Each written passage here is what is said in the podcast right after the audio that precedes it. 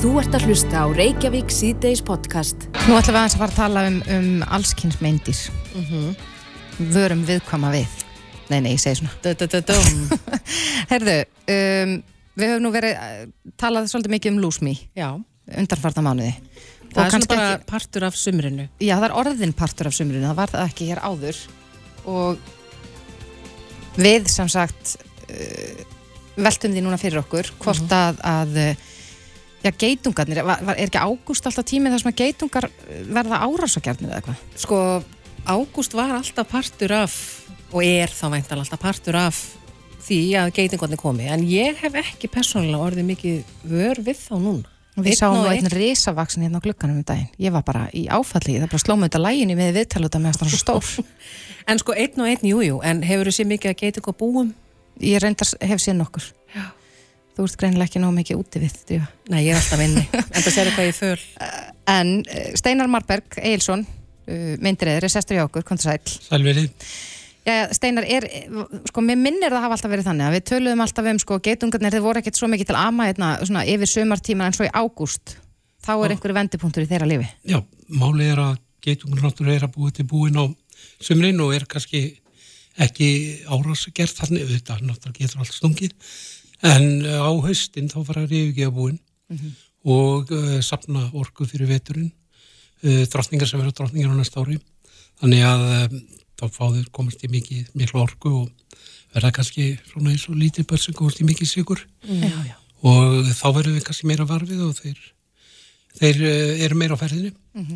En er það vittlisa hjá mér? Er minna um að geitunga séu fljúandi núna heldur en hefur verið já, Sko- í fyrra eða hitti fyrra, það sem að veðrið var kannski betra? Það var ekkert rosa mikið af geitungi fyrra en uh, það kom svona bylgja og núna í ár hefur ekkert verið neitt gríðalega mikið finnst mér sjálfum svona með undanfærin ár. Er það veðrið sem spilar inn í?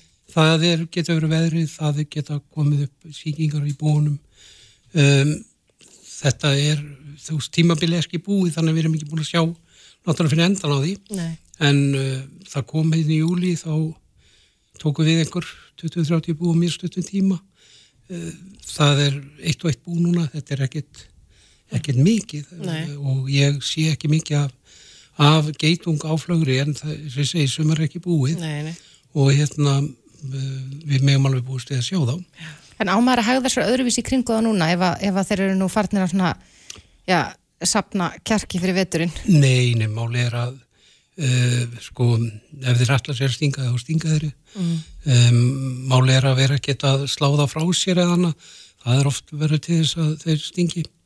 En það er náttúrulega bara aðalega að reyna að forðast á og, og hérna, en alls getur verið að hlaupa undan þeim. Að hérna bara þetta er ekkert ekkert döðadóma þó að fá einu stungu. En hvenær líkur geitingabúin? Og hvaða tímabil tekur það við? Er það kongulegnar eða? Nei, nei, þetta er hérna uh, geitungarnir uh, eru svona fram, fram á haustið, svona fram á fyrstu frostum þá yfirleitt dettur það niður. Og það það hérna þá leggjast tilmónandi drottningar í dvala og vakna næsta sumar eða næsta vor og, og fara og by- byrja ringrásin aftur eins og maður segir. Eh, hvað tekur við, það er úti er náttúrulega vola lítið af skortinu sem að lifa út utan þeirra á viturnar þannig lagað, Já. er kannski indis að klumannað sem að hitir og, og því líkt en, en það er, við erum með líka fullt af Já. skortinu minna þeirra sem að lifa allan á sín syng sko. En hjá ykkur sem að eru myndir að, já, myndir að eyðir, ey- eyðar, mm -hmm. maður, já. Hvað er, sko, eftir svona skortir tímabilið, eru þið þá að taka, er þá mísnar og rottunar að taka við í stórum? Já, það er alltaf mís og róttur alltaf allan á sín syng Já. Og hérna ég held að flest allir meintir eðar séu með aðra vinnu, ég er afiskjamistari Já. Svo persónulega er það það lítið af þessu, að þú þarfst að hafa tvær aðra vinnu. Já, já, þetta er alltaf, það er alltaf eitthvað sem gefur upp á og, og það er mikið eftirliti í matvælafyrirtækjum og, og hérna uh, innflutningsfyrirtækjum og fleira Einmitt. sem er bara reglulegt til að, að hérna, gæta að, að það sé ekki að koma uh, dýr inn í þessi fyrirtæki og þetta þarf að fylgjast með allan ásing. Þannig að það er eitt og annað sem að týnist til. Mér langar að, hérna, ég heyrði að því að í Grænlandi, sem er nú ekki mjög ólíkt okkar já, landi, uh, það eru sko allt morandi í. E Já. eigum við vona að það komi hinga? Já, og ég er alveg viss um að gera það og ég hef sagt þetta í áratug að, eða meira að mér hefur alltaf fundist mjög fyrirlegt að hún sé ekki komin með að við að hún er allstæðar í kringum okkur. Hvernig kemur hún? Eh, Hún getur borist bara með vindum og, og síðan bara ef að rétt uh, sem sé uh, komur að segja en að ef, að- að og annað er að lægi þá nær hún að koma sér fyrir og fjölga sér alveg svo lúsmíu kom Já. að hérna þetta, þetta er bara spurningu tíma þannig að Það ég, búsetu skilir þið hér, það er alveg kjörið fyrir moskító. ég alveg eins og annars staðar ef að, ef að er að hlína og, og, og annað þýrleitt að þá er ekkert ólíklegt hún komi og, og að komi stopn upp hérna á Íslandi eins og annars staðar í heiminum þetta eru náttúrulega þau bara aðlaga sig að uh, sínu umhverfi Já. og ég bara býð eftir í raun og veru, búin að gera það í mörg ár að fá fyrstu íslensku moskítófluguna. En, en er lúsmið farin núna? Nei, við, það er ekkert farið, það verður sér náfram, en málið er að hérna, En er svona þeirra, þeirra tímabil búið? Man finnst eins og það já, bara um ekki núna. að, það er ekki búið alveg að borleggja hvernig hún er, sko, við vitum hún verpir hérna heima, Mhm. hún er alltaf búin að dreifa sér tölvertu stóru hluta landsins og það sem er að hún stingur þegar hún er, uh, hún þarf blóð til að klekja ekkin og eins og í dag þá vitum við allavega að hún er að uh, verpa allavega einu sinni.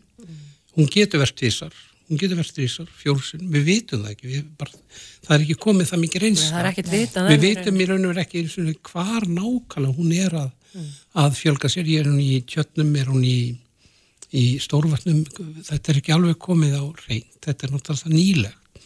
Og segjum bara ef að lúsmíð er að, er að uh, verpa í júnibyrjun þá er hann náttúrulega sá tímið sem hún er að býta ef hún er síðan aftur að verpa í, í júni, júli, ágúst þá náttúrulega þarf hún að býta aftur til að koma þeim stopnum upp þetta getur verið 1-4 stopnar yfir sumari en við erum ekkert búin að kortleggja það, Nei, það er- er ekkert búið að Er verið að Rannsaka. þetta? Ég, já, þannig með náttúrulega er að fylgjast með og það er náttúrulega þá aðalega náttúrufræðstofn sem er að gera það og, og hérna en ég segi þetta er þetta er, þetta er það nýlegt að við, við þurfum bara að kortleggja þetta. Já, nú hefur verið, eh, Steinar, við ætlum að fara svolítið á víð og dreif í þessu spjalli, en Já. núna hefur verið mikið rætt um máva og uh, Almar Guðmundsson, bæjastöru Garðabæjar, segir að Garðabæri muni fara markvist í aðgerði til að halda máva stofnunum í skefjum og, og ætla að stinga á ekkin og, og, og svo hafa líka borist fréttir af því að já, mávar séu að ráðast á fólk. Er þetta eitthvað sem að ratarinn á borð til ykkar í þinni stjætt? sko, í gegnum tíðina hef ég verið í vargiðingu 30 eitthvað ár og hér áður fyrr þá náttúrulega sko, það þurfa aðeins að skilja eh, ástæðuna fyrir því að dýrin er að koma svona inn á okkur. Hér áður fyrir þá vorum við með lönd, lítið sá, sjávarþorp hér í bænum, Kópa og Allstar og það var verið að flytja fisk og annað í opnum bílum.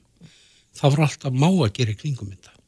Síðan fór menna átt að segja á því að það var nú hægt að minka í kringum þetta með því að hafa lokað og fiskin í körumanna og hafa reynd í kringum sig. Þá náttúrulega er minni fæða fyrir dýrið og þá minkar stopnin og hér áður fyrir þá voru við að skjóta fyrir sveitafélög uh, fleiri þúsundir stykja uh, ár eftir ár eftir ár til að minka en með öllu svona samind átaki öskuhaugar voru opnir þeirra það ekki lengur þannig að það var nóga æti fyrir fugglin við vorum að svæfa fugglin við vorum að setja út uh, mat með sveppliðum í til að Til að drepa losa sig niður. við? Það, já, þetta var mjög mikið vandamál Já.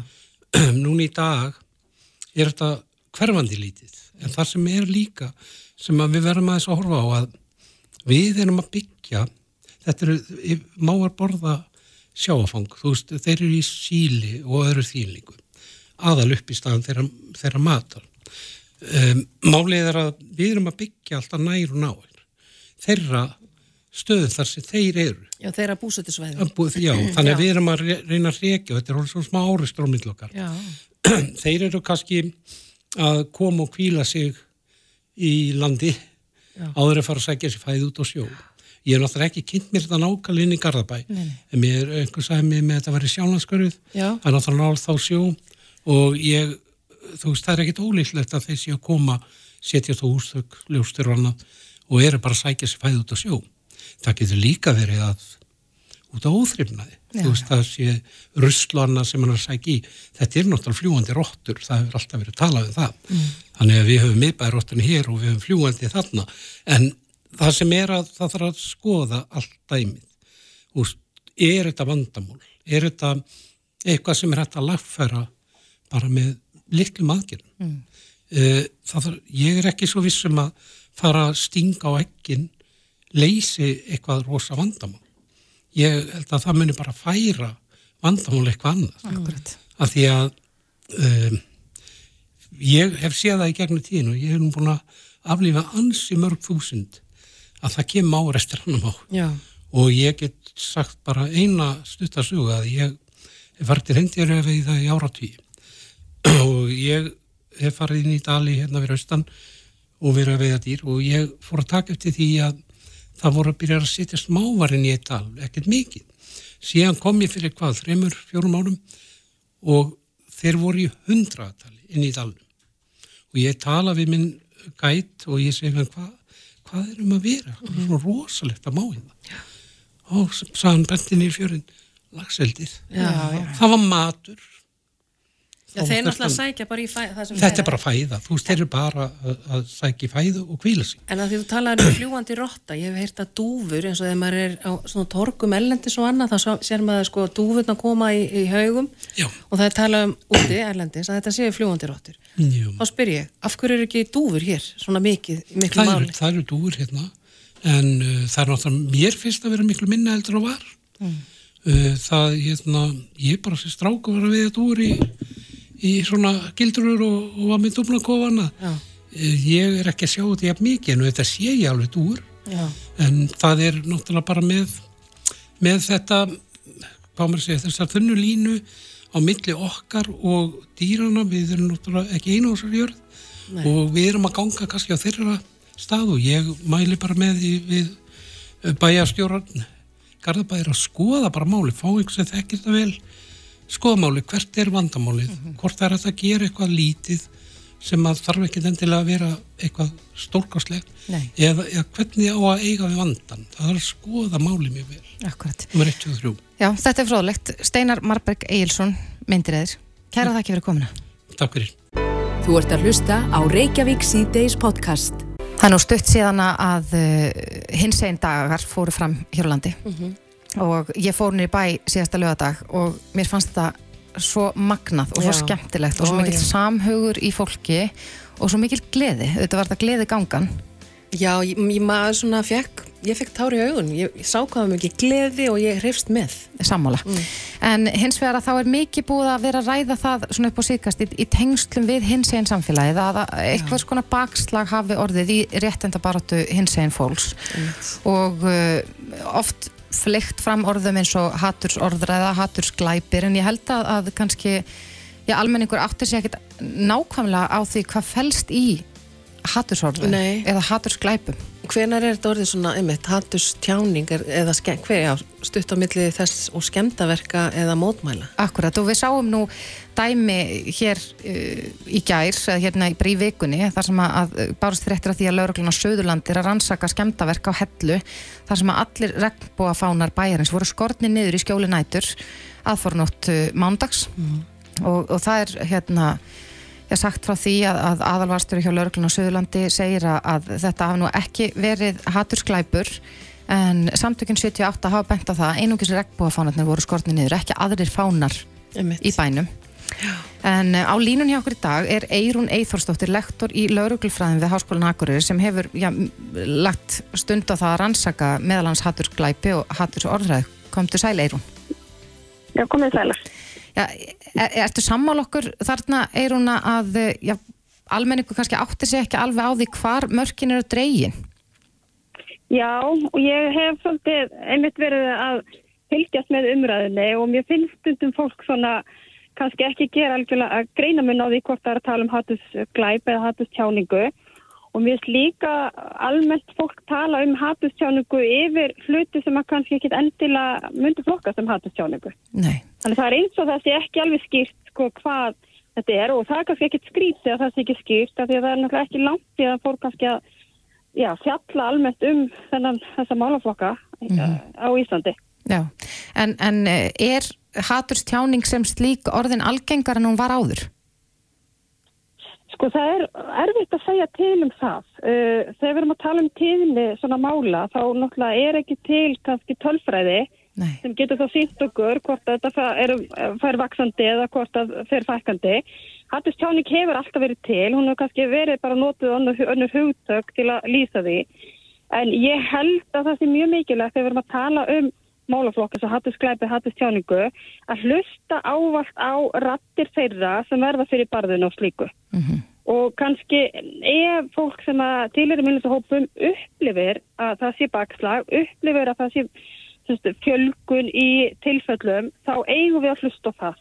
Ég held að það sé, með við erum ekki með aðra mælingar, með við erum ekki með rannsóknir sem sína fram á annað, þá ég mikilvægt að hlusta á þær aðeins. Akkurat.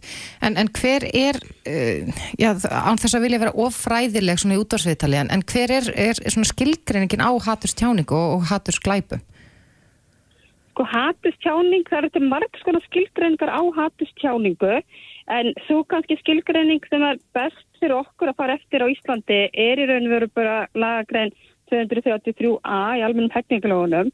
Það sem að talað er um að það megi ekki rókbera smána eða ógna uh, fólki eða hópum út frá millentastöðu. Þá eru ákveðins að venduð enginni það sem að það má ekki ráðast að fólk vegna þess að það er samkynneitt eða, eða það með litarhaft eða svo framvegis. Mm -hmm. Þannig það er, en almennt þannig talað um að, að hatust tjáning sé þetta svona niðurandi tal gagvart vinnutahópum mm. og hér við, höfum við séð svolítið miskilning gæta heima vegna þess að við höfum líka sko séð jafnvel í fjölmjölu tala um hatuskleipi gagvart sko fólki sem er í valdastöðu og þá er það ekki það er hatustjáning Nei. og það eru svona fimm þættir sem er mjög gott að horfa í þegar við erum að tala um hatustjáningu, þetta er ekki kannski algilt, en til að hjálpa okkur að reyna að skilja hvort ákveð tjáning sé hatustjáning, það eru fimm þættir sem er mjög gott að horfa í Það er annars vegar það að sá sem að setja tjáninguna fram uh, til er einhverju svona meiri hlutahóp eða valdahóp um, þú sem að tjáningin er beint gegn til er minnlutahóp eða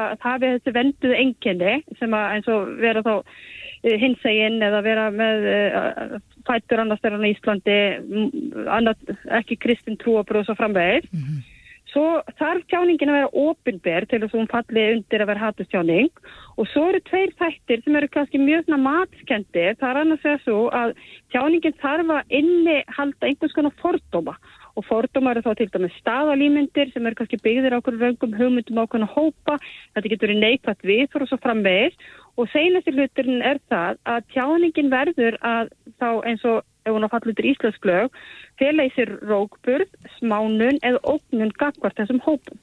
Þannig að maður er með ákveðna tjáningu og maður er svona óviss hvort um hatustjáningu að ræða eða hvort þetta er bara mógandi tjáning eða eitthvað slík, að þá er e, gott að horfi þess að fimm þætti til að reyna að meta það. Svo náttúrulega er hvert tilfelli auðvitað líka matskent. Mm -hmm. En út frá þessu fimm þáttum að þá er svona, já, það er eitthvað svona auðvilt leið til að átt að sjá því hvort að hvort að tjáningin getur verið hatusfull eða ekki. Akkurat. En já, en við, við myndumst nú aðeins á þetta atvik sem áttur sér stað uh, núna um helgina á hellu og, og uh, já, hvernig flokkar maður slikt, svona almennt litið ef einhver skernið fána er hægt að flokka það bara í fyrsta lagi sem glæp og í öðru lagi þá uh, fyrst að þetta er nú virðist nú vera beint gegn þessum regnbúafánum sem eru nú merki hins einn samfélagsins. Væri hægt að flokka þetta sem hatursglæp? Já, undir vissum skilurum eða þú veist þá væri hægt að fella þetta undir slið, en ég náttúrulega þekk ekki það mál, þannig Nei. ég veit ekki hvað gögnlauruklan hefur í höndunum.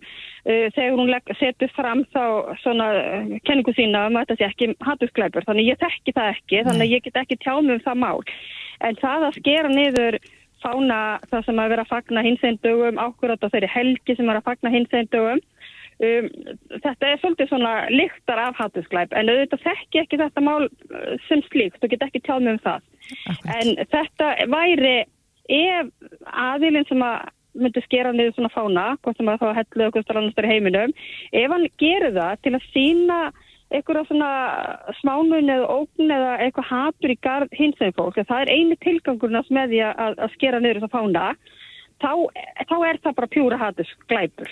Og þá erum við ekki að tala um hatus tjáningu, að því hatus tjáningin er þá meira að nota tátt, vera með hakakrossin málaðan á vegg eða segja eitthvað þú veist á Facebook eða eitthvað svo líkt. Heldur þetta er hatus glæpur vegna þess að þetta eru eignaspjöld og sem er brot uh, vegna þess að það er einhvern sem áður þess að fána stangir og einhvern sem að tapar á því það er búið að skemma eigur annara mm -hmm. og til viðbúta við það að þetta eru eignarspjöld þá er, ef ásetningun er þessi fordómar að þetta eru bara skýrskílabóð til hins en samfélagsinn að þá myndi þetta flokka sem, sem hatus glæpur. Mm -hmm. En Eirun, nú hefur við líka verið að, bara, að lesa frettir utan úr heimi þar sem að, að það virðist allavega að vera sem að, að já, bæði hatustjáning og hatusglæpir sjá aukast víða. Er, er hægt á því að, að ef þetta er látið óáreitt að, að, að slikt muni stegmagnast jafnverð hér á landi?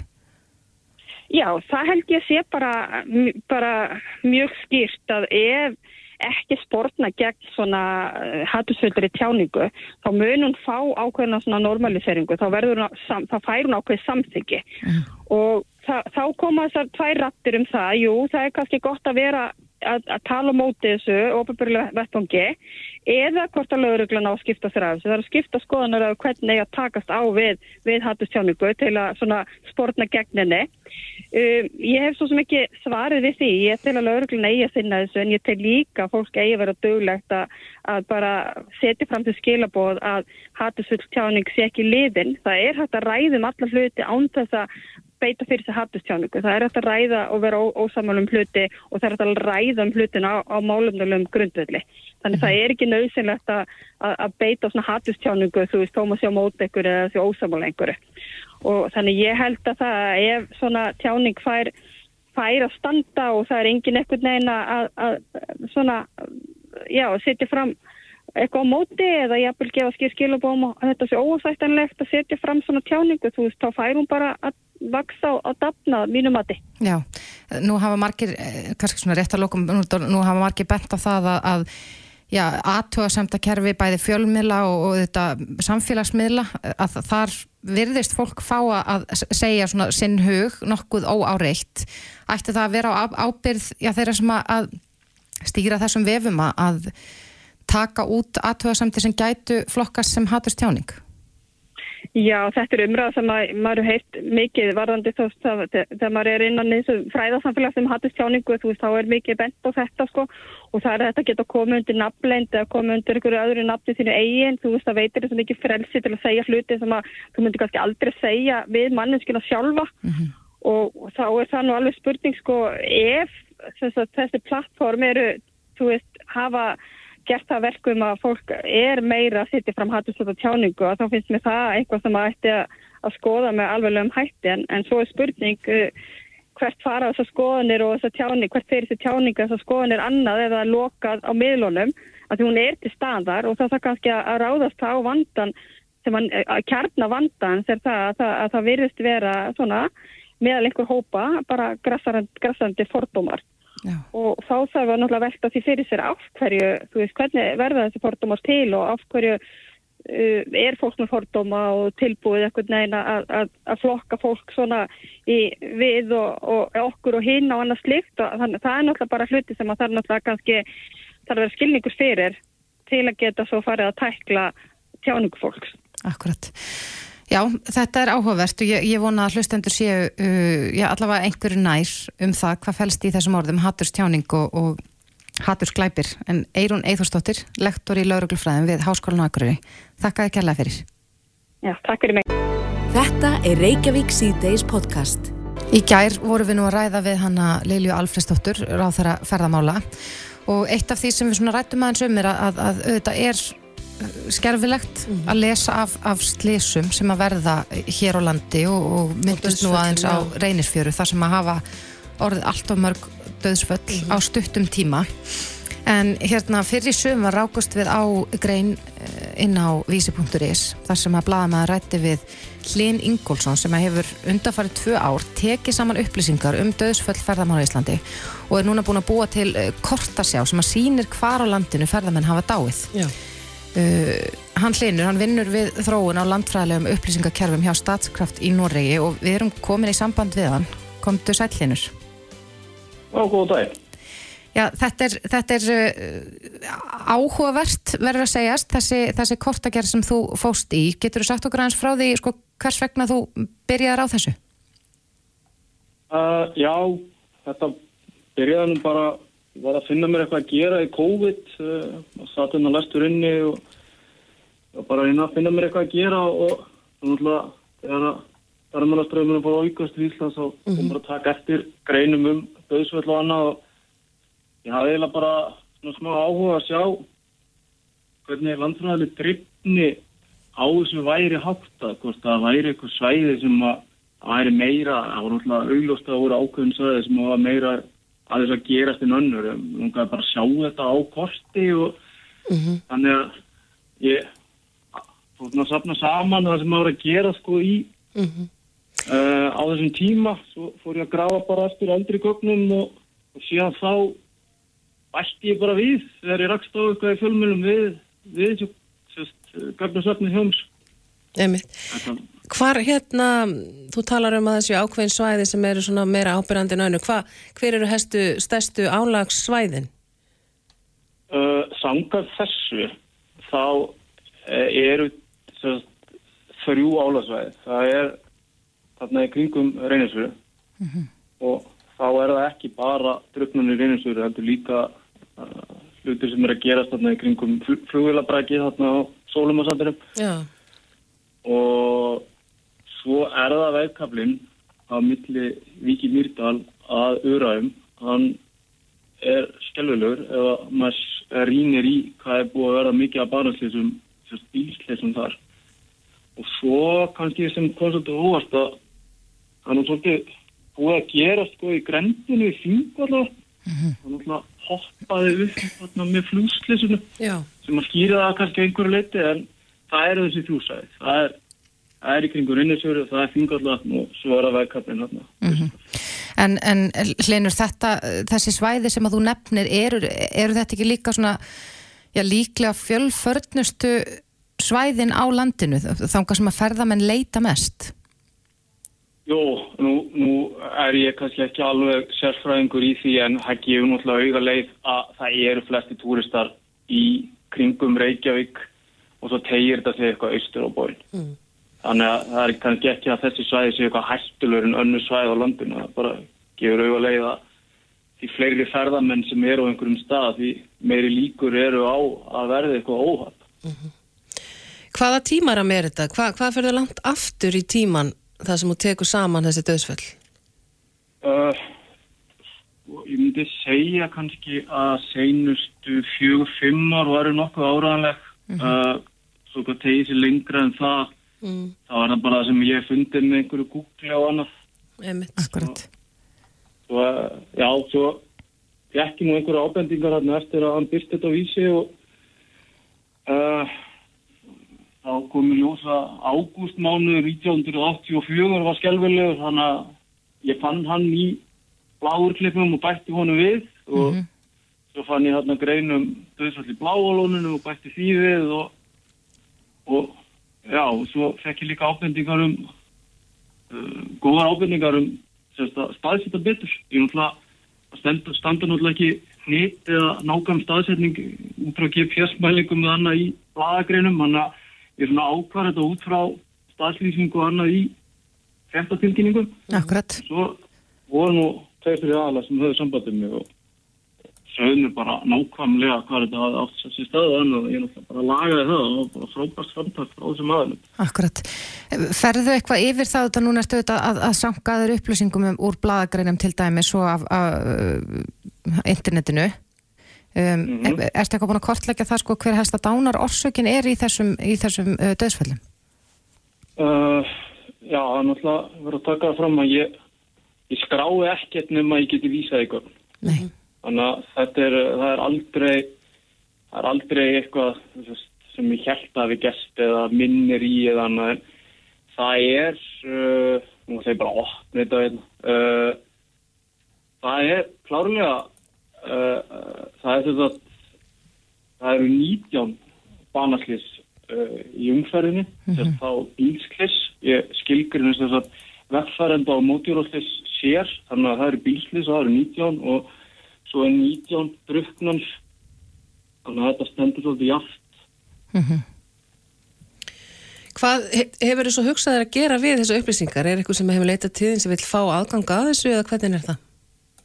Nei, og þannig sé heldur samgöngustofa utanum flesta þessu og, og erum ágætis uh, kostar sér sjálfur og annað en það dekkir þá, dekkar þá þeirra viðfangsefni. Uh, en ef einhver vil nota þessar upplýsingar eða skoða nána þá var nú svolítið ástæðan okkur í byrst þetta. Kannski gæti þetta gagnast einhverjum. Já. Já, og kannski verið svona, uh, já, ferðamörum viti til varnar að geta séð hverslagsleis hafa orðið á þessum vinsæli ferðamannastöðum. Já, það er, ég er nú ekki að reyna að skemma ferðamannalandið Ísland og ég er ekki, eins og ég sagði í greinin, ég er ekki að reyna að gera þetta út af einhverjum leiðundum. Þetta var nú bara einhver svona söfnun hjá mér út frá áhugamáli og svo bara akkur ekki að deili þessu og já, þessin er þetta allir með svo ennsku. Akkurat, já, við rættum það.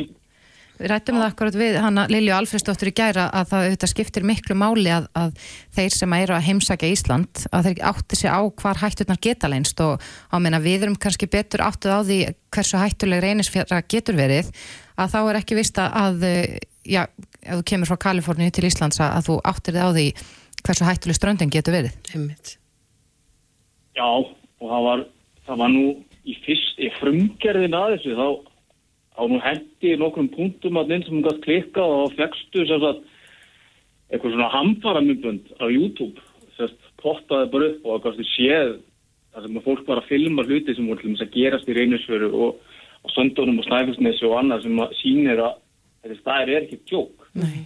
en ég tók það nú bara út út af því að það flekti þetta og, og kannski dróðsóldi úr hvað er verið að reyna að sína með þessari löst Akkurat. en það er náttúrulega hugmynd í framhaldinu hvort að maður bæti því aftur við og svo var ég, fór ég nú gegnum einhvern katalóga sem var búið að kostleika hvað var að hættulegustu staðinu í Íslandi og ég var nú byrjað að búa til það punta og, og vísa kannski í greinar eða uh, einhverja aðvaranir og annað varandi þessar staði sem að fólk getur að fengi betu Mm það er kannski Akkurat. Ætlar að halda áfram að kortleggja þetta? Herðu, já, æ, því miður, þetta er náttúrulega, það verður náttúrulega tvö slís þarna meðan ég var heima í sumafríi. Uh, ég bætti þeim við eftir ég kom aftur út til Norröks og ég býst við því að þegar ég rekst á fréttir að, að ég bætti þeim við. En Linur, þú heldur út í Instagram síðu og ég bara verða að spyrja þið út í það vegna þess að notendanafni þetta er sko colorblind eh, kartografir sem er þá litblindi kortagerðamaðurinn. Er, ertu litblindur í alvörinu og reynist það er erfitt við þína vinnu? Ég er lífbundur, uh, reyndar, því var haldið frá mig esku að ég hef verið lífbundur, takk mamma og pappi og það var ekki fyrir en að ég fór í sjónpróf hjá auklækni því ég tók bílprófið að hann fór eitthvað að rýna einhver gögn og eitthvað, já, herru, þú ert lífblindur og eitthvað, ha? Já, já, en þú, þú áttar þér á því að ljósið er efst upp eða næst niður, þannig að veist, þetta er ekkert hættulegt, en þú getur samt aldrei orðið flugmaður. Nei, nei, akkurat. Þannig að hérna, ég er lífblindur og það, ég sagði þér núverandi uh, vinnustáð ekki frá því þegar ég fór í aðtunniðpanið og létt þú ekkert vita þessi fyrir einhver fimm ár og þá var ég um svo fast í rækjulegin í kerfuna að þau gáttu ekki sparka mér þannig að, jú, ég ofinbera núna, ég er lítið. Já, þannig að þetta hefur sem betur fyrir ekkert háðið en eitt. Æ, Ég get ekki verið flugmaður og hérna, og allar heyrúlur líta alveg eins út og ég vissi ekki fyrir miklu setna heyrúluplast í einhverju öðru en hvítu og svörstu og svona. Það gæti verið miklu vera ef ég gæti bætt einu við. Ekkert mál. Herðu, já, inn í, í kortaflæsjónu, það er kannski ekki allir sem átt að sér á því, en uppi í hæra hotninu þá getur við leitað eftir stafsetningu og þú getur líka filtrað að síja eftir típu uh, óhags Mm og í neðra hæra hotninu þá getur við síjað eftir árum. Þannig að, og svo náttúrulega ef þú klikkar á punkt, þá færðu upplýsingarnar um hvað þessi punktur er. Akkurat, og kannski þá lokum, Linur, hvar nálgast maður kortið á netinu? Úf, heyrðu, það er langt og leiðilegt, uh, lung og leiðileg veflóð, þannig að allir það verður ekki bara, allir verður ekki bara að vísa í greinina á vísi eða... Nei, við beinum fólki bara inn á vísi.is þar sem að viðtali byrtist við því í sumar og, og hlekkurinn er þar. Endilega. Já, Hlinur Ingólfsson, kærar þakki fyrir þetta. Þetta er Reykjavík C-Days podcast. Já, við búum í líðræði samfélagi. Það hefði ég nú haldið. Já, það hefði ég líka haldið. En ég rakst á uh, áhugavert sem ég hef ekki kannski séð áður. Ég veit ekki hvort þetta týðkist almennt en, en Dilja Mist Einarstóttir, þingmaður sjálfstæðisflokksins, var á sínum samfélagsmiðlum að óska eftir svona uh, ábendingum frá fólki Já. um hvaða mál brenna á okkur sem að, að uh, við getum komið þá áleiðst til hennar og hún getur þá tekið fyrir á þingi. Bara svona uppástungur um það sem gera má betur og Já, ég hugsa að séu ímyndmáli menn auðvitað, auðvitað lifir maður að hræðast í sínum eigin heimi og, og, og kannski einhver mál sem rata ekkit endilega en þingan ættu að gera. Einmitt. Diljameistir sest hjá okkur, kom til sæl. Já, sæl og blessu. Takk fyrir að bjóða mér. Já, bara gaman að fá þig. Er, er þetta, er þetta gerðið í fyrsta sinn núna? Nei, ég hef gert þetta núna reglulega frá því að ég settist á þing sem að hefur nú ekki staðið við lengi að ég hef óska eftir svona tillögum svo hef ég verið með opna viðtalstíma líka og ég fengi fjölmargar góðar tillögur og ábendingar frá því að hérna, ég byrja á þessu. Og auðvitað er útgangspunkturinn sá að, að maður er, er auðvitað að vinna fyrir sína umbjöndu sem eru bara fólk í landinu. Og, og ég, mér finnst svona með því óskafti þessu og fá svona bæði það sem að fólk er að hugsa og auðvitað bara svona brýningu í ákveðnum málum að því maður fær alls konar skilaboð að það hjálpa manni bara við að vinna vinninu sína betur við að reyna að láta gott að sér leiða sem er auðvitað útgangspunkturinn. Akkurat. Eru margir búin að senda þér tillögur, ábendingar, Já, hugmyndir? sko uh, það hefur alltaf verið mjög góð þáttöki ég fengi rosalega góð viðbröð þegar ég hef svona sett þetta fram. Ég hef gert það í greinaskrifum, ég hef gert það á Facebook og Instagram og, og, hérna, og reynd svona eftir framsta meg, megni að ná til sem flestra. Uh, en það hefur aldrei verið eins mikið eins og núna. Af því ég sett þetta inn í gær og ég hef aldrei fengið svona mikið viðbröðum og þau bara hafa ekkert stoppað, ég hef ekki ennþá náða að fara yfir allt sem að að ég svara öllum ábendingum sem ég fæ og svo hérna tekið það saman og, og hérna svona gerir smá skrá yfir þetta og það hefur aldrei verið eins mikið eins og núna. Getur þú sett það í samengi fyrir okkur? Þú talar mjög mikið, er, hver er fjöldin? Já, ég er búin að skrá niður núna svona að ég, ég gerði eftir kerfi hver sendir þetta og hvers efnis til að hann er. Ég, ég er búin að skrá niður, vinna niður 70 ábendinga núna Já. og hérna og það bara, og ég, þú veist, það er bara ég meina ég er bara að vinna með niður listan og þetta heldur bara áfram að bætast við, ég sé það bara tölupóstunum og öllum hérna miðlunum. Mm En þú ert ekki að gera þetta í fyrsta sinn. Hafa, hefur farið með einhver mál sem þú fengið sendt frá bara einhverjum kjósanda og farið með það inn á þing og, og jafnvel náða árangri með það? Já, sko ég, ég svara öllum, öllum hérna póstum og skilabóðum sem ég fæ og í söm tilveikum þá er, eru þetta mál sem eru í einhverjum farfi, ég get þá veitt upplýsingur um það eða eitthvað slíkt eða, og stundum er þetta bara kannski tölvupósta sem ég sendi og spyrst fyrir um eða kanna hvað, hvað málið er statt eða eitthvað svo leiðis og þá er ég auðvitað byrjuð svona garfa í því. En það eru nokkuð mál sem ég hef bara farið með allaveg í einhvern farveg, bara formlega farveg á þinginu. Mér dettur svona fyrst í hug uh, málumni um endometriósu sem að ég hef svona verið að að taka upp á þinginu og mun halda áfram að gera í höst því að því meður hefur ekki fundist lausna á, á því máli. Þannig að það var ábending sem ég bast og svona kvartning úr mörgum áttum. Til dæmis e, byggtími eftir helbriðstjónustu mm. auðvitað sprettur það líka hjá mann sjálfum að því að maður býður eins og er eftir helbriðstjónustu en það, það var líka svona kvartning frá mörgum sem að var til þess að ég laði fram þá fyrir spurn mm -hmm. e, lög, lögum óbera starfsmenn breytinga lögum um óbera starfsmenn sömulegis ég hafði svona gengið með það í manum að, að hérna að mér langaði til þess að leggja fram breytingatillegu þeim málaflokki og svo skoruðu fjölmarkir á mig og höfðu samband við mig. Þetta er greinilega alls konar en hvaða málefni eru svona mest ábyrðandi? Er það umhverfismál, heilbriðismál, er eitthvað eitt sem stendur upp úr? Það er nefnilega svo merkilegt að hérna að uh, einhvern tíma sett ég þetta fram og það var augljóslega bara heilbriðismál, bara hérna fólki mjög ofalega í huga.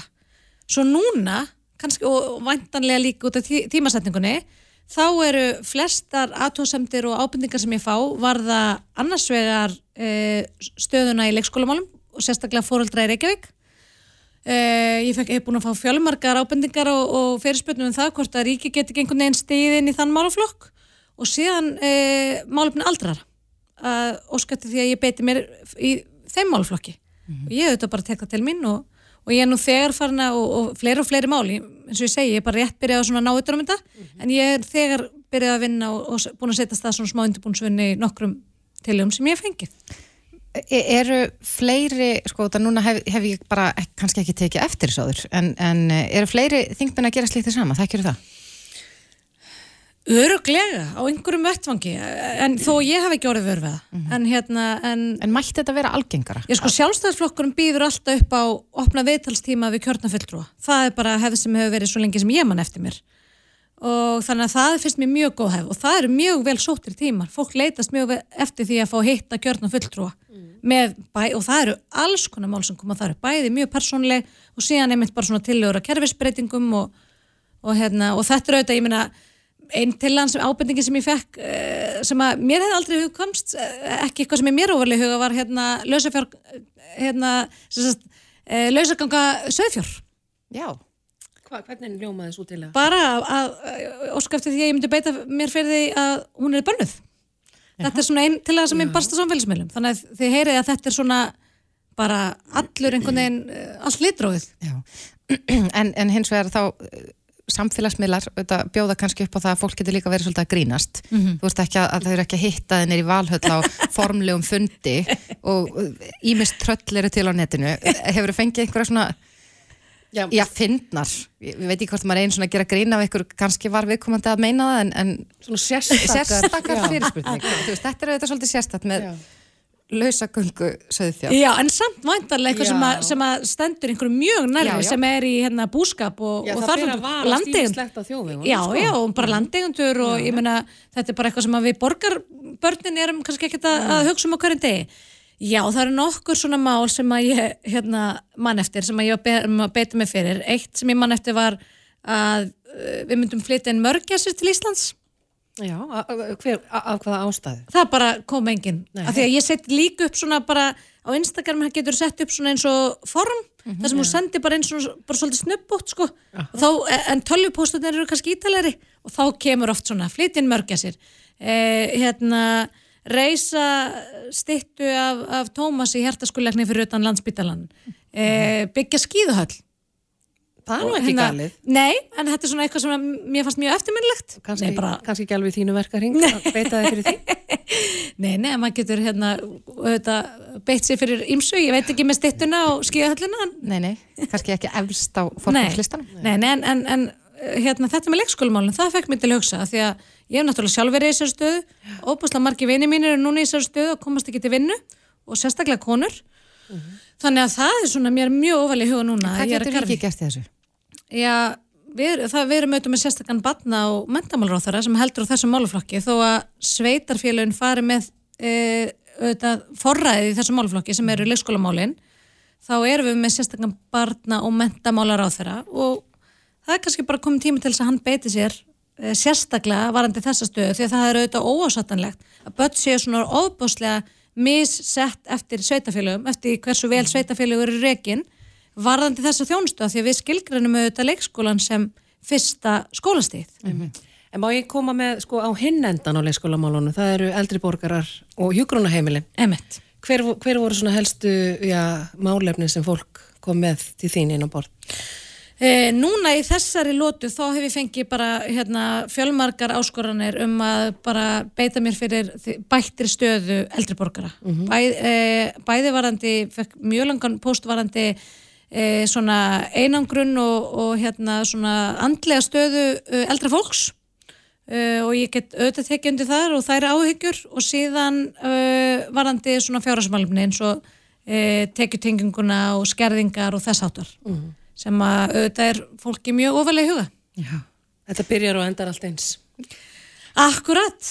Akkurat. Ein, ein, einhvern tíman eru við hérna lítið börn og leikskólaldri og svo endur við þar sko. Þannig að vonandi við erum Gangur lífsins. En, en Diljá, nú eru eflaust einhverjir sem eru að hlusta og, og fá frábæra hugmynd Mm. og vilja hafa samband við þig. Hvar, hvar er best að, að uh, já, eiga þau að senda þér tölvupost? eða? Þau geta alveg sendt mér á, á til dæmis á Facebook eða Instagram en svo er ég bara með dilja.mist at alþingi.is og bara tek glöð og gjarnan við ábendingum. Dilja með Steinastóttir, þingmaður sjálfstæðarflokksins. Kæra þakki fyrir komuna. Takk fyrir mig.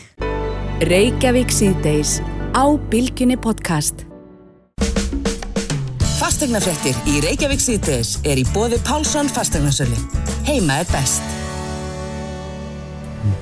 Já, þá er komið að þessu vikulega. Við ætlum að ræða um fastegna mál með honum Páli Pálssoni, fastegnarsala sem er sestur hjá okkur. Hvað er sæl? Sæla stelpur. Sæl, Já, já, Pál, í dag ætlum við að tala aðeins um já, fjármögnun húsnæðis Mm. og uh, fastegna. Við erum auðvitað búin að vera að lesa fréttir og tala um það í þessum þætti svo mánuðum skiptir að auðvitað er fastegna verð gríðarlega hátt og svo eru vextir að hækka verðbólgan meiri þannig að þetta er, þetta er mikill hausverkur fyrir marga sem að, að kannski skilja þetta ekki alveg nægilega vel.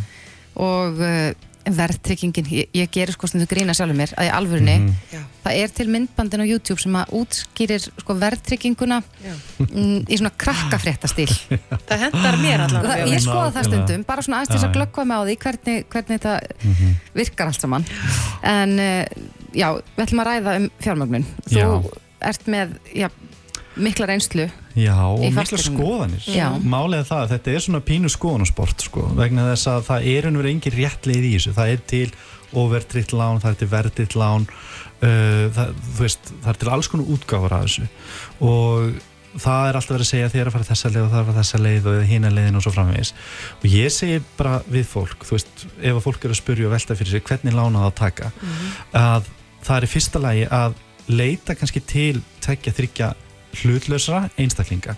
Annars vegar einhvern í fjölskyldunni það getur verið einhver uh, fjarskildur ættingi sem hefur kannski eitthvað fjármálu vit og svo kannski einhvern, einhvern sem þekki ekki neitt. Getur verið fastanarsalið eitthvað svo les hann getur, viðkomandi getur komið með einhverja hugmyndir hvað væri besta leiðin fyrir hann eða hana, en á endan þá tak, tekur neytandin alltaf það ákvörðu sem hentar honum best. Og þá eru kannski svona nokkur atriði sem að er nöðsynlegt að skoða og bera saman. Það er náttúrulega vextinir þú veist, hvar eru bestu ódýrustu vextinir í dag?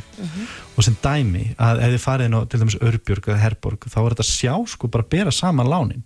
Og sem dæmi að flestir eru í óvertriða lánum í dag. Það er hafkvæmari kostur að fara í óvertriða vexti versus vertriða vexti vegna þess að verðbólgan er það há. Og til dæmis þessi stóru bankar þú veist eins og hérna bara Arjónbanki og Íslandsbanki þeir eru til dæmis mjög dýris í samanbyrju til dæmis við brú lífyrirsjóð brú lífyrirsjóð er ódýrastur eins og staðan er í dag skiljiði, HMS er til dæmis mjög dýr. Íslandsbanki og Arjónbanki er mjög dýrir og þetta er bara svona sjátt át á það ef ég nota slettina. Þeir mega kannski endur skoða það að þess vegna vildi ég nú aðeins henda nafninu þeirra á til þess að mögulega setja einhverja pressa á. Það er greiðarlega mikil samkeppni þess að vilja þetta flestir lánamanni, þeir hafa haga af því að, að lána okkur pening. Akkurat, og þeir eru verða að koma peningur sem þeir koma inn þeir verða að koma þeim út. Og þá eru það vantilega með mismunandi áherslur og annað. Já, ekki? jú, passar. Og meira segja sko þegar ég var að skoða þetta ganni á þann bara hverjir eru ódýrastir í dag? Og þá sá ég náttúrulega í sko breytilum vöxtum að þá er sko brúlífyrir sjóður ódýrastur. Uh, í föstu vöxtunum er uh, lífyrir verslunumanna og svo kemur komið skemmtilega óvart spari sjóð þingeinga Já, en getur, gæti ég Já. sem hef engin tengsl við, við, við þann sparisjóð mm. gæti ég fengið lána hjá þeim? Ég, ég veit ekki betur en að þeir hafa engar takmarkur í því hvernig þeir lána. Uh, vissulega hafa lífyrirsjóðanir einhverja reglur en oft á tíðum þá veit viðkomandi ekki að hann hafi rétt á að taka Nei, ég held að fæstir hafi bara hugmynd um þetta. þannig að mögulega einhver tíma greittur inn í þennan lífyrirsjóður og í úlingavinninni fyrir x ákveðinu síðan það er kannski nóg til að segja rétt til þess að fá lána þar. Já, annað sem er mikilvægt að skoða og það er náttúrulega vextirnir og afborganir sem margir náttúrulega horfa líka en stundum segir líka við fólk að ekki hugsa hvað getur borgað lítið að mánuði hugsaði líka hvað getur borgað mikið að mánuði. Vegna þess að ef þú hugsa bara ok, ég ætla að taka bara verðriðt lán upp á 30 miljónir til 25 ára, það er ekki hægt að taka lengur í dag og það er til 40 ára hvað getur ímyndið ykkur að segja að borga tilbaka á svolist láni ég hef eitthvað tíma að séð svona útreikninga þannig að, að, að, og ég veit að þetta er miklu, miklu herra en maður gerir sér grein fyrir Þetta eru 130 miljónir sem þarf að borga tilbaka á næstu 25 ára Já. ef þið myndu taka svona lán. Ef þið takki overtritt lán sem dæmi uh, bara, ég tók þess að bara reikni vel hjá landsbankunum uh, overtritt lán til 40 ára þá er að borga cirka 170.000 á mánuði þá greiðið 81,5 miljón tilbaka á þessu tíðanbíl 25 árin koma hvort þið er. En er ekki margir sem er að taka, sko, hinn oft heist af því að kannski svona yngra fólk sem er að reyna að koma sér inn á markaðinn, taki verðtrykt lán svona til þess að byrja með og, og svo þegar að kannski hagurinn vænkast örlítið að, að þá endur fjármagnaði. Nákvæmlega. Og ég er sjálfur einn af þeim. Þú veist þegar ég kom inn á fasteinamarkaðin aftur eftir ég flutti ellendis frá þá eru tekjum kannski lágar og ég hugsaði bara með mér ok, ég verð bara að komast inn ég verð að hafa þetta þægilegt í 1-2 ár en sem er náttúrulega mjög mikilvægt á svona einsti þryggjara fresti ekki lengur í þryggjara fresti að bera saman og skoða lánin og skoða endurfjármögnun. Mm -hmm. þetta getur sparað stór fjö í staðan fyrir að þetta er svo þægilegt þetta kemur bara alltaf heimabankan, maður borgar og maður veit ekki að því, svo allt í einu bara 10 ára liðin allt í einu 20 ára liðin og allt í einu bara skiljiði Þannig að þú mæli með að fólk endur skoði lána, já hvernig lán á þryggjára fresti eins til þryggjara Eins fresti til þriggja ára fresti, já. ég hef sjálfur endurfjármagnað þrísa sinnum á síðustu einu og hálfa ári. En hvað með uppgreðslugjöld og því um líkt? Nú eh, var það mjög algengt allavega hérna á árum áður að, að ef maður ætla að endur fjármagna og greiða upp gamla láni að þá var það bara einhver prósentar hennilega af láninu sjálfu. Er það ennþá þannig? punktur það er nefnilega er ofta tíðum upp 1% uppgræslugjald Mhm. 1% af 30 miljónum eru 300.000 sem er alveg stór fjárhæð uh, þau lán sem eru með fastavexti bera oftast þetta uppgræslugjald en það er líka alltaf að spyrja. Er hægt að fella það niður? Er hægt að vegna þess að stundum og það hefur komið mér á óvart þó að bankarnir hafa næstu því ekkert samningsfrelsi til þess að gera hitt og þetta þá ofta tíðum hafa það samningsfrelsi. Þannig að þeir geta ofta tíðum ef þú tekur nýtt lán hjá okkur og þá fellum við niður gjaldi hér og svo framvegis. Þessin er svo líka sem mun mikilvægt að bera saman fjármálastofnanir þess að við þess að vorum vön því að við opnum bankareikningi í landsbankunum með einhverju banka fyrir hún úlingavinnu og við erum bara búin að vera þar síðan þá. En einhverju þetta vegna höfum við kannski skipt um símfyrirtæki eða tryggingafélaga mörgusinnum á þessum árum sem maður er, er komin inn á markaðin skiljiði mig. Og bara það að þið takið til dæmis uh, aftur 30 miljón krónar lán og þið ákveðið það, ok, við ætlum að vegna þess að það er mjög góður fjárfestingakostur að greiða niður lán í dag. Og þið ímyndu ykkur, ok, nú er ég að hækka tekjum og launin kannski að hækka eitthvað slíkt. Eða ég var að taka mér aukavinnu og ég ætla að borga bara 30 skrún aukalega inn á lánum mitt.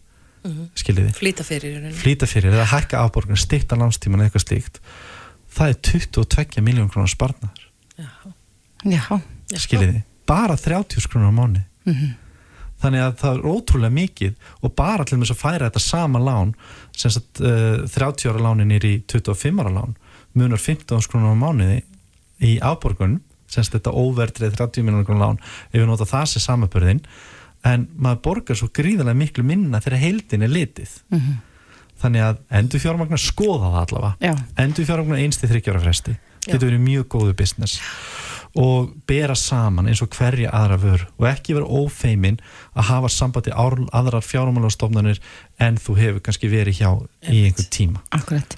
En, en svo núna, mm. núna erum við þetta uh, áfrekar skrýtnum tímum þar sem allt er að hækka og það er svona mikil óvissa, talaði mögulega dífu og fastegna verði og fleira. Mhm. Eh, Er heppilegur tími til þess að vera hugsa út í þetta núna? Ég meina, kannski manneska sem að tók lán fyrir ári síðan á föstum vöxtum þegar vextir voru miklu lægri. einmitt Að þá er kannski ekki mjög, mjög sniðugt að fara að endur fjármagna núna út af því þú getur jafnvel ekki fengið neitt hagstæðara. Nákvæmlega. Það er bara, bara það að skoða það og sjá það, bara nei, ég er bara með besta mögulegu kjör á markanum í dag. Það er líka frábæra ákveðin að gera ekkert. Einmitt. Ef þú væri með fasta vexti sem þú tókst fyrir einu ári, tveimur, þreimur ári síðan jafnvel, að þá bara um að gera halda því áfram. Akkurat. Ekki nema að kannski kemur kannski einhver gluggi það sem að eins og að þessi tekjaaukning og eða þá að þú ákveður að leiðut íbúið eða eitthvað svoleiðis að nota þá kannski ef það er einhver afgangur að leiðunni bara nota beintin á höfustólinn og borga þá beintin á höfustólinn en ekki inn á afborgunina. Mhm. þess að það getur, það getur verið gríðlega munur á, á því. Vegna að ef greiður inn á afborgunina að þá ertu raun að greiðin á vextina sem bankin tekur. En ef þú greiður inn á höfustólinn þá ert að, þá ert að minka raun og verið það sem þú skuldar í eigninni. Gerir maður þetta bara með því að, að, að hafa samband við uh, lánveitandan og... Já, í raun og veru. Já. og það er rosalega stundum sum lán hafa reglur að þú hefur bara þennan dag og þennan dag eða þetta tímabil til þess að borga inn á lánið eða eitthvað svoleiðis án þess að það, sé að kosta eitthvað sérstaklega eitthvað slíkt. Og það er bara mjög gott að ef að menn vilja búa til rútínu um að greiða aukulega 20, aukulega 30 eða eitthvað svoleiðis inn á lánið að, að heyra þá í þá fjármálstofnun sem árunur lánið og ræða, ok, þú veist, er þetta að fara að kosta mig eitthvað, Mhm. á hvaða tíma mánari er best að gera þetta og fá það bara ráðgjöf hjá fjármálastofnunum Já. fyrir Þann, þannig að eins og maður segir sko bottom line er að vera þá alltaf á tánum, alltaf vakandi eh, til að endur skoða í rauninu stöðu sína Sí, þetta gæti mögulega verið besta tímakvöld sem við haft á æfinni Já, að þar hafið það. gefa þessu alvarlega skoðun reglulega. En Páll, af hverju ósköpunum er þetta ekki bara kent í, í grunnskólum landsins, sko í alvörni? Þetta er eitthvað sem að skiptir okkur svo miklu máli Já, að, að skilja Já. og þekkja. Að hafa þetta part af fjármálalæsinu Já, að- já. algjörlega, ég held líka ég man eftir því þegar ég var í grunnskóla sjálfur og það maður fekk einhvern svona kvata ég man einhvern að auka einingu eða eitthvað til þess að fara uppi, hitta sparisjónu upp á Karatorki í Garðabæ. Og þar var einhver svona fræðsla. Eina sem dróð okkur ánga það voru snúðar og kókunur Já, það þarf að vera eitthvað svona gulrót. Það verður að vera eitthvað að því að maður er bara kannski áhugaðlaus á þessum aldrei Já. en ég er samt alveg samfærið það kannski uppi framhaldsskóla Já. að það sé þá gefnar alvöru einingar fyrir að skilja Sammála. þetta. bæði þetta og skattamál og, og fleira og fleira og fleira og bara koma þessari hugsun strax inn í okkur bara Já, strax um tvít bara eins og hafa þig, þú lætir þetta hljóma svo einfalt við þórtis erum alveg Ég er, þetta ég er tölvert miklu nær miklu Já. heldur að- var alltaf fyrir þetta Já, spjall. Æ, Ég vona bara að fólk sem var að hlusta það hafi Já. haft gott af þessu spjalli Já, ég vona það líka Já. Páll Pálsson, fastegninsali hjá Pálsson fastegninsölu. yes. Kæra þakki fyrir komuna og við sjáumst í næstu viku. Takk fyrir mig Hlustaðu hvena sem er á Reykjavík C-Days podcast. Nú eru rosalega margir á leiðin upp á gósi.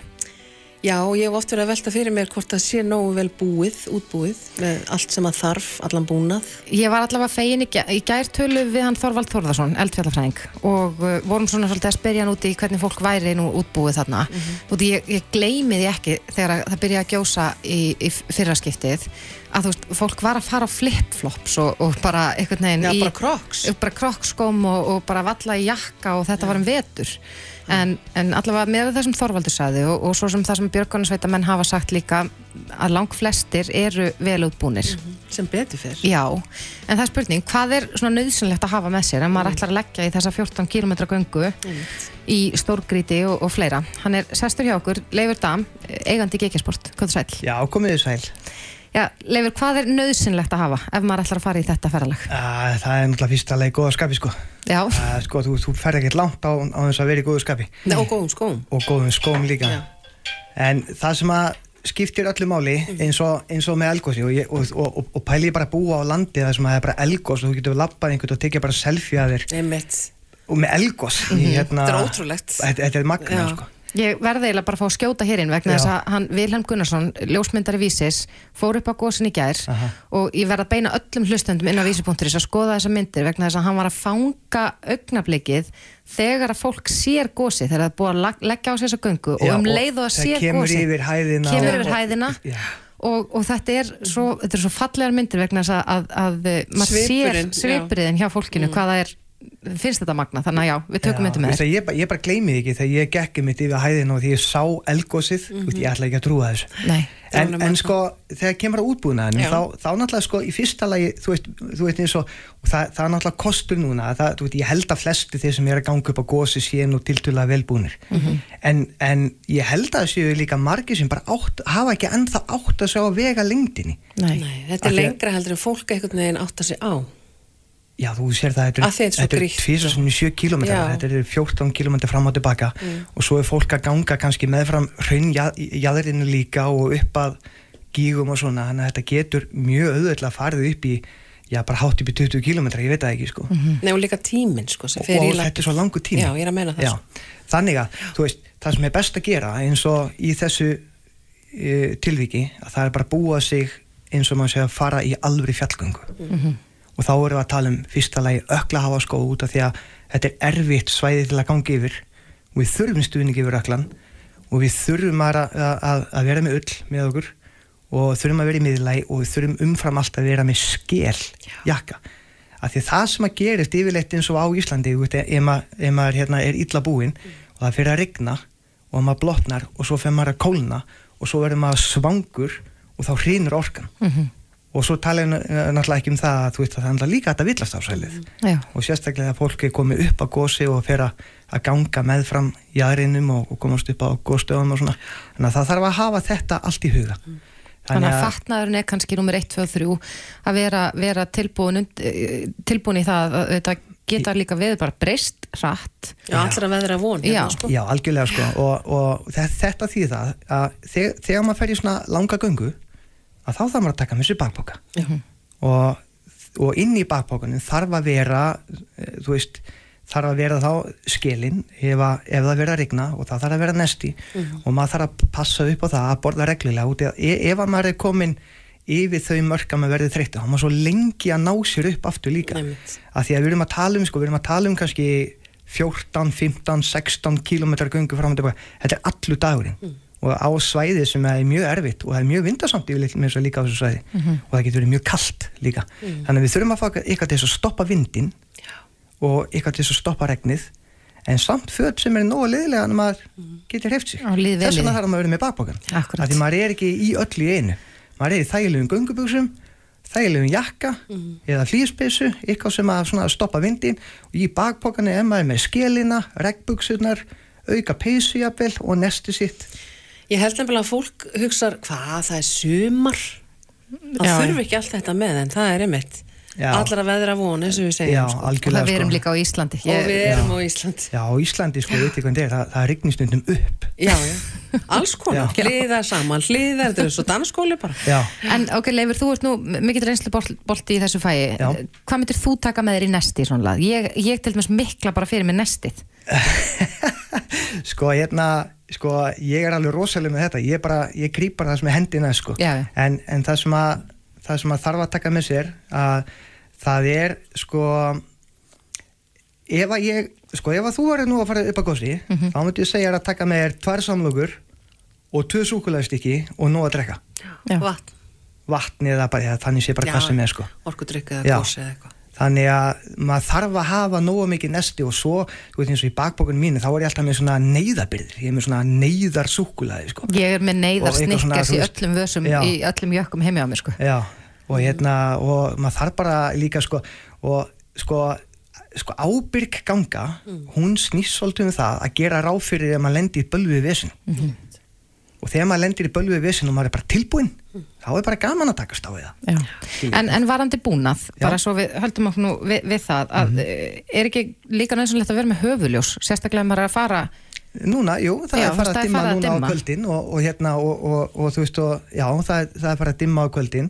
Það er líka eitt annað sem að er líka nöðsilt að hafa, það er að til dæmis eins og núna, það, það er komin, komin sko, eins og um daginn, það var, það var mjög kallt og það var mjög dimmt og það var komið mikið þoka og það var með sér flautu líka, þannig að þú veist, ef maður er á, á, á þeim stað að maður, maður er búin að týna sjálfum sér og ef maður er kaldur og hrakinn þá getur maður ekki hrópað og það er yfirleitt á bakbókunum hérna á brjóstólinni, Já. alltaf ospribókunum hjá okkur, þá er niðurflöta Er símasambandan, vitið þið það? Já, Mestmegnis, það sko, ég- ég- töluðum ég nú við- símasamband. Þorvald í gær og það var einhver smá, smá kapli þarna þar sem var ekki símasamband en, Já, svona döðukabli já, já. Já. og e, talandi um það líka og þú veist, maður þarf alltaf að vera tilbúin maður þarf að gera ráð fyrir að vera rámaslis og símanum og hvað ætlar maður að gera þá ef maður er rámaslis og símanum maður þarf að taka með sér hérna, orkubanka og alltaf að gera ráð fyrir að allt allt var í skrúuna sko. já.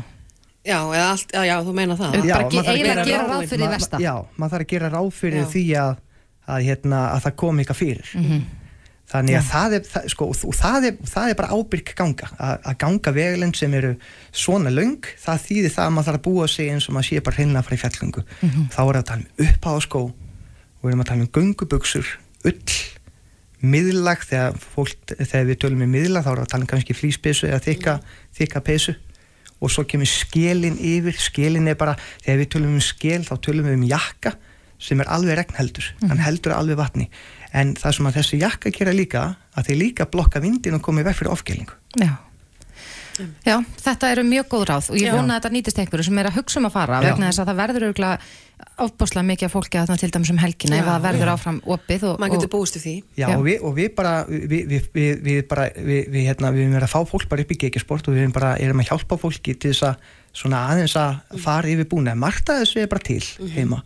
Já, já, og, og hérna og við gefum bara topp topp ráðlíkingar uh, upp í geki Já, þannig að verðið bara velkomin til okkar og, og við rettum þessu. Er það ekki? Leifur Dam, eigandi Gekirsport, kæra þakki fyrir Já, komuna. takk hella. Reykjavík síðdeis á Bilginni podcast. Ég held að brauðtertur séu, mér langar að segja að þetta sé eitthvað sér íslenskt fyrirbæri.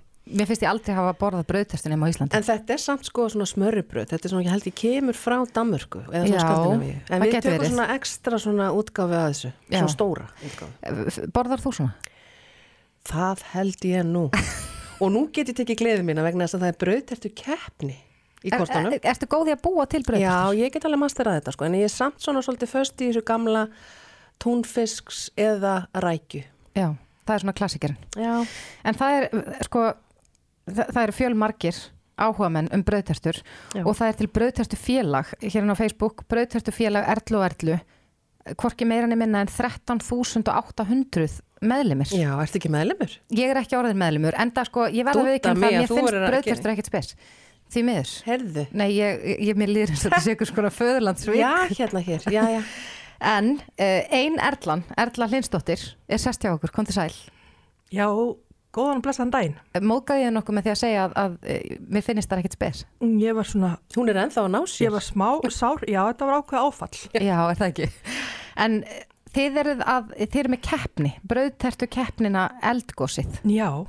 Er það þemað í keppninni? Það er þemað í keppninni. Mm. Segðu okkur frá henni.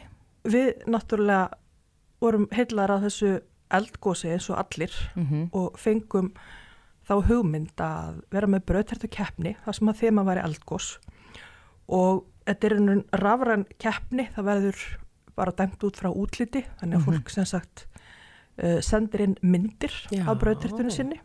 Ekki smakk. Ekki smakk, ekki í þetta skiptið. En hérna, sérst já, á sunnudaginn, við erum búin að vera að kynna þetta rækilega í hópnum og, Mhm. og nú í fjölumölum líka. Mhm. Og semst á sunnudaginn, þá uh, kemur til með að verða þarna albúm þar sem fólk getur sendt inn myndir af sínum mestarverkum Mhm. og síðan er henni geta allir bara í hópnum kosið. Hvernig, er, er þetta bara spurningum flest lækin? Eða? Já, já, og ég er henni til þess að uh, bara vera ekki að búa til neina vandamál að þá ákvaða að hafa þannig að það er henni alveg sama hvaða sem sagt, lindistákn eða emoji Mhm. hv- skiptir ekki máli hvað þú setur, ef þú setur óvart reyðikall þá er það samt stig Já, já. þannig að Þó að svo brauðterta kynni hafa móðgað einhvern. já, Já, hmm. akkurat. þannig að því hver kannast ekki við það emmitt að alla að votta ykkur um samu sína og setja óvart hláturskall þannig að Já. Já. En hvað, hver eru velunin? velunin, það eru nú uh, nokkur velun, við sérst veitum velun í fyrsta til þriðasæti og við erum til dæmis með hérna japanska hnífa frá ProGastro ótrúlega flotta, bæði grammetisnýf og, bröðnýf Mhm. við erum með litabombur sem að hérna henda til þess að lita bara allan mat, maður setja í baði hjá sér en, en við erum búin að fá það staðfest að það hendar til dæmis að lita bröð, nei, lita majónes Já. Er það svona svo, hérna, Þetta er svona lítil hilki, við, við Já. töluðum einu svona á toppi marinu sem er að búta til hérna í þessum þætti Já. og þetta er svona lítil hilki Já. unnur úr náttúrulegum efnum, bara til dæmis turmerik og blá spírulína og eitthvað Jú, jú, akkurat. og maður getur notað til að lita mat ég er svolítið að vinna með það heimi á mér að setja út í vatn, dætur Já. mínum finnst mjög gaman að drakka blátt vatn Já. Já, mjög sniðut Já, þannig að já, það, það eru einvelunin, síðan brauðtertu bakka frá uh, áspilni Ólafsinni. mm -hmm. Bara svo alvöru og gamli góði brauðtertu Já, bakki. nákvæmlega, nákvæmlega. Síðan eru við líka með egg, uh, landnámsegg, Mhm. sem eru semst egg frá frjálsum hænum í Hrísei. Beint frá bíli bara? Uh, við fengum þetta sendt bara beint frá bíli, en það er nú alveg hægt að kaupa þetta Mhm. í veslunum, bara eins og hérna höfbrukarsæðin líka. Mhm. Býtum við, nú má ekki gleyma neinu. og svo er það granólabarn, sínst mér Já, granóla, frá granólabarnum. Mhm. Vegleg verðlun, Vegleg maður. verðlun, nákvæmlega Já, En ok, segjum sem svo, ég hef aldrei búið til fyrirgefðu. já. um, Er er þetta spurningu um bara frumlegt útlit? Þarf það að tengjast einhvern veginn eldgósinu? Já, hugmyndin er að, að, að það er í rauninni eldgósa þema. Já. Þannig að, að það er spurning bara hversu uh, frumlegt fólk eru hugmyndaríkt þegar kemur að því að útfæra brauðtertu með Mhm. þessu þema. Já. Þetta er eiginlega spurning um skreitinguna sjálf. Já, já. Hversu frumlegur þú ert. Þannig að það dugar ekkit bara að smetla nokkrum gúrkusneiðum á hliðarnar og halda maður ekki dunnið. Mm, Ég, ég, mynd, Nei, ég ég myndi ekki ekki, reikna með að það væri vanlegt til árangus. Nei. En við að sjálfsögðu segjum ekki nei við neinum bröðtertum. Nei, nei. En já, það er sérst, er dæmt núna bara út frá útliti. Þetta er, þetta er sérst í annarskipti sem við höldum bröðtertu keppni. Við heldum fyrst keppni á menninganótt 2019 og þá var þetta sérst að haldi bara nýri hérna listasafni þar sem að var bara smakkað og, Mm. og dæmt út frá bræði líka. Já. Þannig að uh, og þetta hefnaðist rosa vel og það voru eiginlega. Margir sem tóku þátt? Og ég margir sem tóku þátt og margir sem komu og, og ég sést var hann í domnemnd og ég held ég hef aldrei verið jafn sveitt á svo mikið fólki. en hérna, þannig að þá ætlum við sko aldeilis að vera alltaf með bröðrætt keppnað menninganótt, svo náttúrulega kom uh, ákveðið bakslag í, í, ekki samfélagi bara í heiminum sem Já, kallast akkurat. COVID. Já. Við munum eftir því. Já, og það kom bara svona núna aðeins að koma okkur á stað aftur og vera með hérna, vera með þetta rafrænt, en þá samt með keppni. Já. Og hver veit hvað við gerum á menninganótt á næsta ári. Ná, ég spyrja einu bara út af því að við vorum aðeins að tala um, ég, mér líður eins og þetta sé íslenskt. Hver er saga bröðtertunum? Hvaðan kemur þetta? Uh, það er sko á Norðurlöndunum eru, eru bröðtertur. Mhm. Er það ekki svona lítið svona miklu minna svona eins og smörumbröð eins og ég nefndi henni upp að Með það eru líka alveg bröðtertur, bröðtertur. Já, svona eins og við þekkjum. Já, Mhm. já. Og hérna, og einmitt til dæmis sem frænka mín sko býr í Svíþjóð, maður hennar er sænskur og, og hérna, og þe þeim fannst, eða honum rosa merkilegt að við varum hérna með bröðtertunar eins eins og þau sko. Mm. Ég, ég smakkaði einu sinni danska brauðtertu eða Já. þetta var svona einhvers konar einhvers konar brauðterta Já. en ég var ekki ánað Nei. vegna þess að það var síld í henni Já, þetta er nefnilega einmitt kannski Já, það er svona kannski þeirra aðeins svona öðruvísi Mm. áherslur Já. á milli landa en það er klálega sko Svíþjóð, Danmörk og, Mm. og einmitt og Danmörk síðan alltaf eins og þekkt fyrir smörubröðu sitt sko En segðu okkur aðeins einna fyrir þá sem er að taka sín fyrstu spór eins og hún Þórtís, hún ætla sér að gera brauðtertu, ég veit það Ég tímann. ætla að búa til heitan, heita, Heita- heitt rúllubrauð á annað. sko. Já, það er annað Já, það, það er alveg stránglega Já. bannað í, í þessum hóp Já, ok. En hérna, hver er galdurinn við góða brauðtertu? Móðu mín heitin sagði, hún verður að vera blöyt Já, ég er má sammála ekki vera þurr Nei, ég er sammála því Mm. og hérna og einmitt bara bröðterta sem að jáfnvel búin að hérna, fá að standa Gera hana daginn áður veisluna, áður en að veislan er Já, sko ég myndi gera það, setja hana saman daginn áður og skreita hana samdægurs. Já Svo gúrkan haldist fesk og annað Já, já. Og svo líka mjög sniðt að blanda sýrðum rjóma við majónesið. mm. Uh, þegar maður er að skreita þá verður hún svona hvítari og, og síður, fyrir síður og gulna. Mm. Þannig það er mörg trikk við þetta. Alls konar trikk. Og... Við hvetjum auðvitað bara allar hlustendur til þess að taka þátt í þessari skemmtilegu keppni. Það er bara hægt að finna þetta inn á Facebook síðunni Brauðtertu félag Erlu og Erlu. Já, Er ekki kosið 16. ágúst?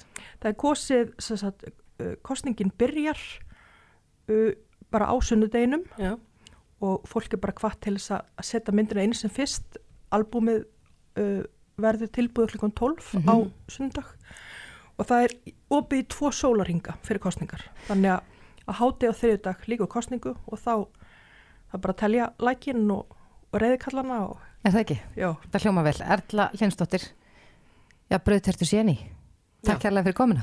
takk fyrir mig Já, ég held nú að uh, við fyrir nú að slá botnin í þetta. Ég er bara orðin svöng með langar í brauðtertu, þannig að uh, ég er sem að koma bara heim. Já, mér langar reyndar ekkert í brauðtertu en ég er allavega svöng, Já. bara það vorum að tala um mat. Einmitt. En það fer að líða að kvöld fréttum og við skiptum yfir á fréttastofuna eftir örskamastund þar sem að Edda Andrisdóttir mun lesa fréttir í síðasta sinn. Hugsa sér að hún er eins og tvítu í útliti. Já, ég meina hún er unglegar en ég sko, það munar nokkrum áratugum á okkur. Stórglæsileg. Stórglæsileg og bara svo mikil fagkona fram í fingur góma. Missir af henni. Mikill missir. En við ætlum að sjálfsögða að vera aftur hér klukkan fjögur á morgun en minnum á það að öll viðtölin úr þættinum í dag eru komin inn á vísi.is, bylgju appið og bylgjan.is þannig að þið veljið þann miðil sem hentar ykkur til þess að hlusta á viðtölin. En um, heyrumst aftur á morgun, Drífa, Bræi og Þórdís takka kærlega fyrir sig. Takk fyrir að hlusta.